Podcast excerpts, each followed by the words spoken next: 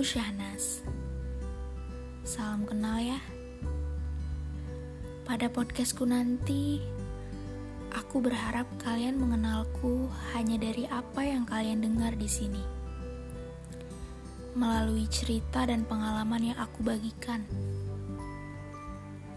Aku juga berharap kalian dapat mengambil sisi positif dan juga melihat segala hal dengan dua sudut pandang yang berbeda. Terakhir, harapanku kalian bisa mengambil pelajaran dari pengalaman yang aku bagikan tanpa kalian harus merasakannya. Terima kasih dan selamat mendengarkan podcastku.